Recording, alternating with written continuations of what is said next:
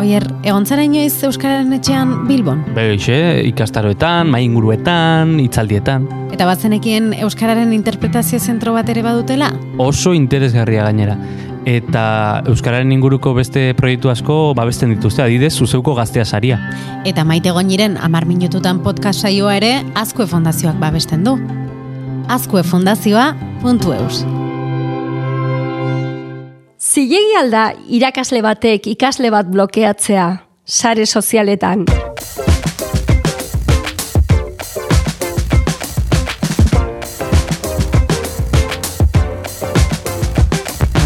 Gaurko amar minututan, ingurune digitaleko komunikazioan jarraitu beharreko oinarrizko jokabide arauei buruz hitz egingo dugu.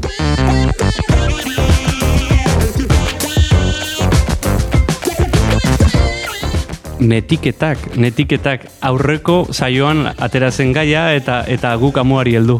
Bai, horregatik ekarri dut, eh, oier. E, aurrekoan esan genuen netiketa e, garrantzitsua da lan netiketa ezagutzea eta badakizu nundik datorren goatzen aurrekoan hitz egin genuela marko bati buruz. Bai. Europako markoa, kompetentzia digitale markoa edo dikkom deitzen dan marko hori. Bai. Ba, horretan, bigarren ere muan, komunikazioa eta kolaborazioan badago puntutxo bat, bi bost, justu, hain zuzen, ba, netiketa deitzen dena. Mm Eta gaur, horri buruz hitz egingo dugu. Mm Goratzen ez esan izula, badudela interneten idatzi gabeko arauak. Hori da. Eta zuken zantzenean ez ez idatzi daudela.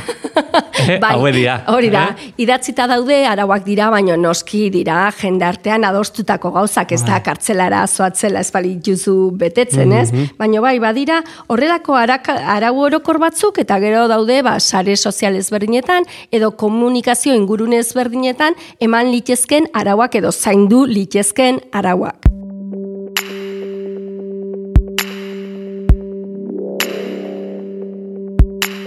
The guidelines for how to communicate using these online communication tools is called Netiquette. Think of it as etiquette for the internet. Participating in online discussions takes some getting used to. The first few times you participate, you may feel nervous about sharing your ideas publicly. The more you take part, the more comfortable you become using online communication tools, and the more you will benefit from your participation. Bizikidetza virtuala zari gara hitz egiten, ez? Da, historia oso politia da, zeberez, hasi zirenen interneteko lehenengo komunikazioak ordundik datorrez kezka hori, ze askotan e, lehenengo komunikazioaiek foro batzuetan ematen ziren, eta jendeak etzekin oso ondo ba, zein, e, ba, zein arau jarraitu, eta horrelakoetan, ez?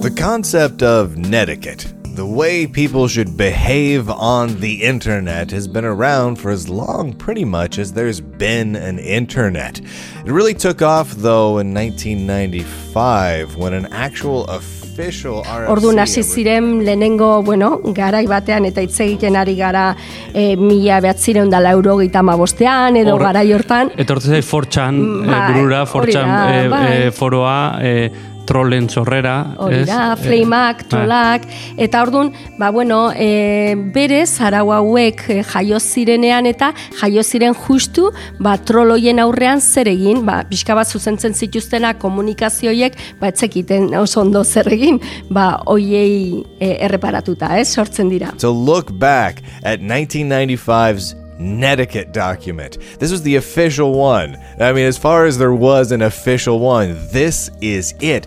Netiketen e, amar mandamentuak. Hori da, ematen du Biblia zari garela, ez? Zebat izango itzateke adibidez, bestek zu tratatzea nahi zenuke moduan, tratatu zuk ere besteak. Hori, Bai, basikoa, oinarrizkoa. Baina agian ba, ikaslekin ari garenean eta oso importantea da mhm. hori markatzea. Edo jokatu interneten eguneroko bizitzan jokatzen duzun bezala ez, askotan ematen dugu pertsona ezberdina garela. Bai, bai, itxurekeria bat, puntu bat badu, ez, e, eta e, bueno, bai, norbere argazkien aukeraketak, bai, bai horren hiperbolizazioak ere askotan. edo ematea irudi bat faltsua etzarena, baina bueno, puntu norbeak ikusiko du ze irudi eman nahi duen, hori kalean eta mm. etxean eta eta ingurune virtualean, eh? baina pixka bat ere izango itzateke, ziberespazioko edo espazioko ingurune digitaleko zein tokita zauden desberdintzea hori itzengo dugu mm -hmm. gerosiago, baina bai. Twitterren, Facebooken, arauak ere edo jokatzeko moldeak ez dira beti berdinak, edo e, ondo ikusita dago partekatzea ezagutza komunitatearekin, hori hmm. oso ondo ikusita dago, besten pribatutasuna errespetatzea ezinbestekoa, edo zein kanaletan bai. ari garela. Orduan, e, ikusten dira gauza oso orokorrak, arruntak, eta... Oarretan jarriko ditugu bai, amar mandamentuak, eh? bai, irakurtzeko. Eta, bai, gainera, hauek datoz... E, e, liburu batetik, Virginia Schick netiket liburu argitaratze, argitaratu zuen, mila bat ziren da laurogeita malau garren urtean pentsa, eh? Mm, e, zerta zairi garen hitz egiten, eta jada klasiko bat bihurtu da liburu hori, eta ordu, bueno, ma, e, gero e, moldatu dira mandamentu horiek nola baita esateko, ba, gazteen ingurunera, bai. helduena, eta bar, baino, hoiesek komentatu ditugunak izango lieke orokorrak direnak. Mm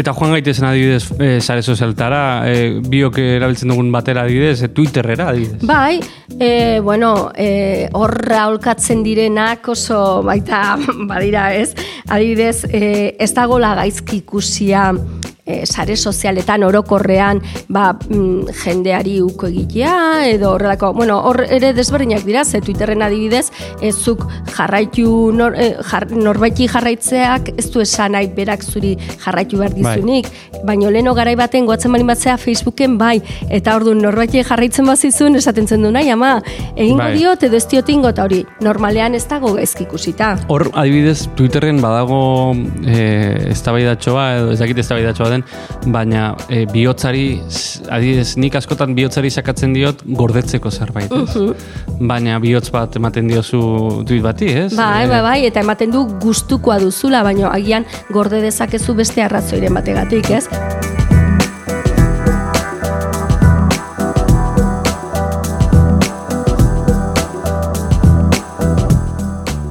Hori de gauza bera gertatzen da askotan Twitterren bertsioarekin. Mm -hmm. e, bertsiotzek zesan nahi du, ados zaudela bertan e, esaten denarekin, zuk zeusten duzu?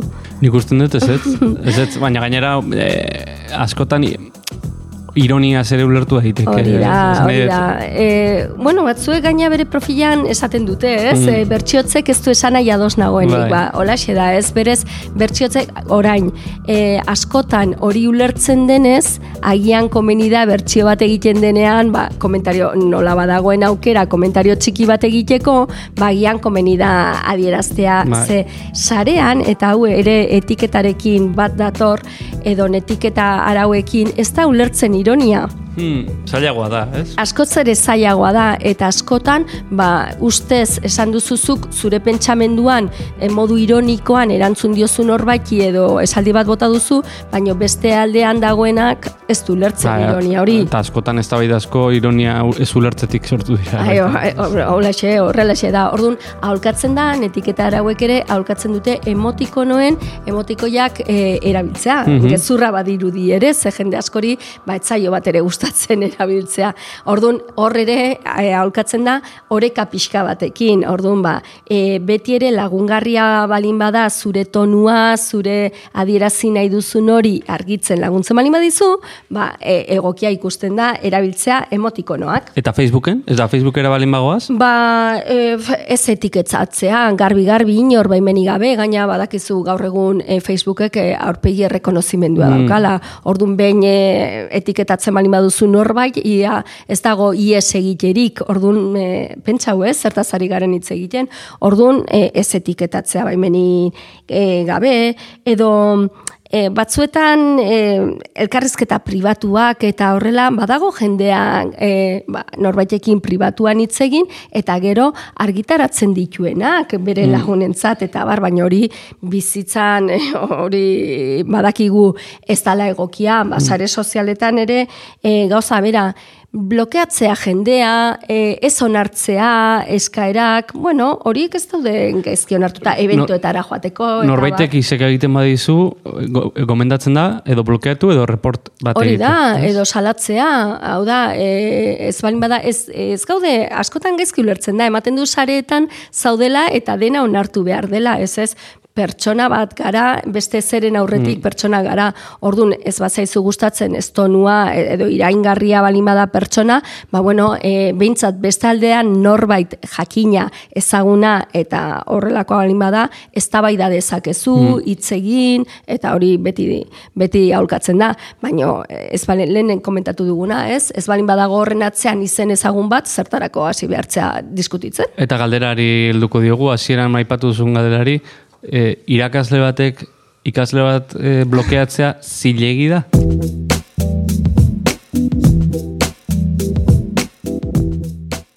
Bueno, e, bere sare sozialetan blokeatzea ez dago gaizki ikusita. Hmm. Naiz eta askotan, sareetan, e, ba, oh, ez daki, bueno, askotan oso eskandalasoa izatea, ba, politikari batek blokeatu bai. nau, eta barrez, ba, bueno, nik uste dut, zuk zuzezu, oier, horrelakoetan? Ba, nik Zalantza daukat, zalantza daukat e, ez da, ez da oso argi, ez? E, ze irakasle batek egunero bere ikasleekin tratu behar du, irakatsi berdia gaina gaur egun ni naiz pentsatzen dutenetakoa irakasleak bere materiaz gain ere erantzunkizun bat badaukala. Ez dela bai. osotasunean.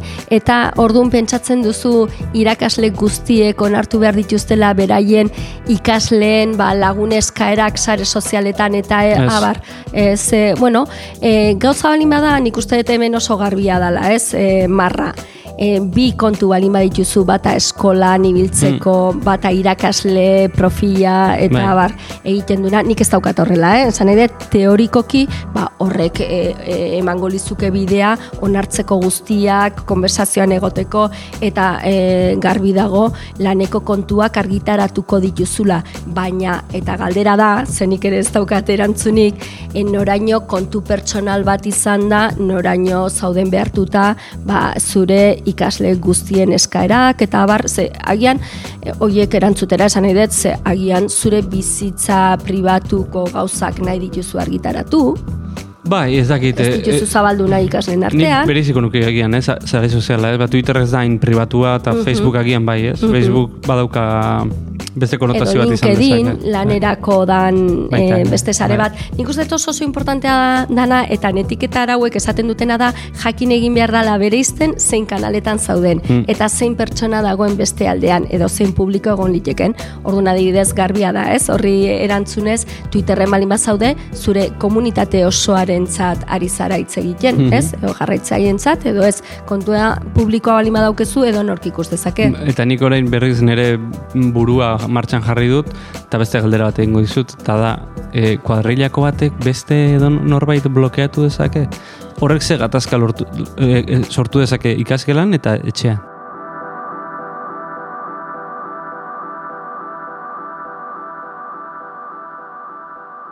Hori e, bizitzan e, bizitza digitalean ez da beste esparruetan ere gertatzen da.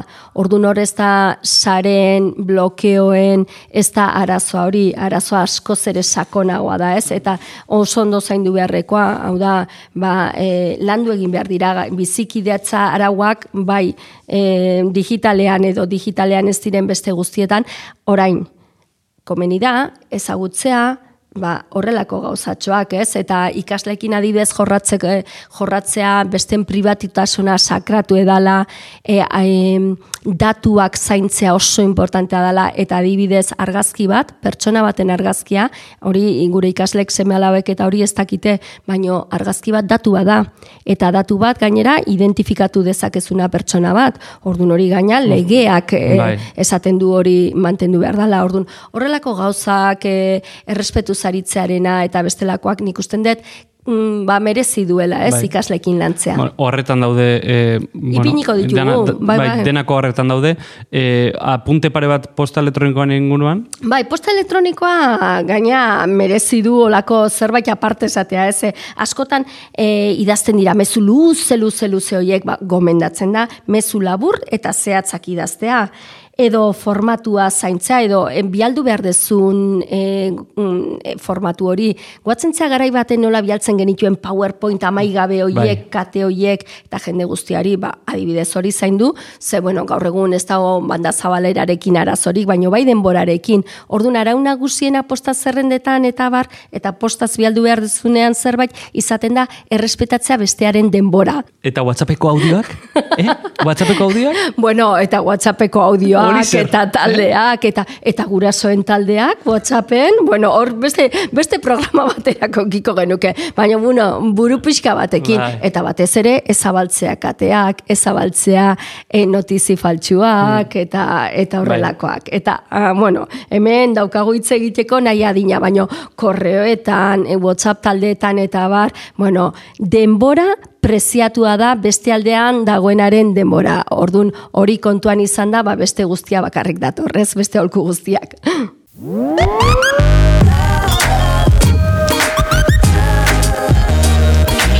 Eta zerekin gelituko gara, maite?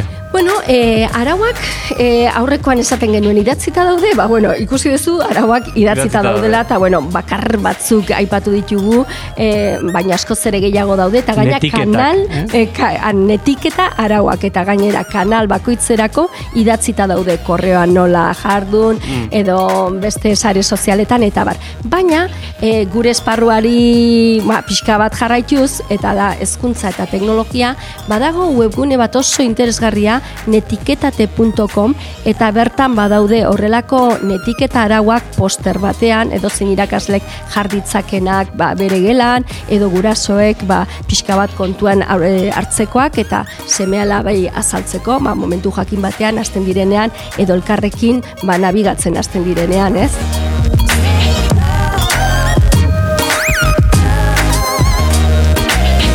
Oier, gaur azken saioa zen. Azken saioa, jo, e. Ze azkar pasatu diren, eh? Bai, bai, bai, saioa. bai, bai, bai, lehenengo denboraldia. Bai, lehenengo denboraldia. Eta zer iruditzen zaizu, jarraituko dugula? Hombre, nik uste bai, ez. Ba, eta, bueno. eta gainera, beti esaten dugun bezala, hobeto. Eta, eh? hombre, saiatuko gara bintz, hobeto egiten. ikasten ari gara, bai. podcast gintzan ikasten ari gara. Hori da.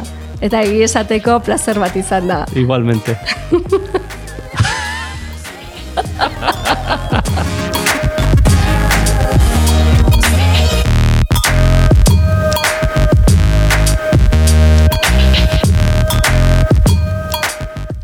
minututan podcastaren lehen denboraldiko azken saioa da. Lehen denboraldi osoa entzun gai duzu, zure audio plataforma kutxunenean. Edo zein plataformatan entzun dezakezu zuzeu podcast. Spotify, Apple Podcasten, Google Podcasten, eta plataformaren batean espalima gaude, idatzi podcast abildua zuzeu.eus elbidera. Hori da podcast abildua zuzeu.eus. Eta segidan igoko dugu plataforma horretara ere gure edukia. Ezkerrik asko eta hurren arte.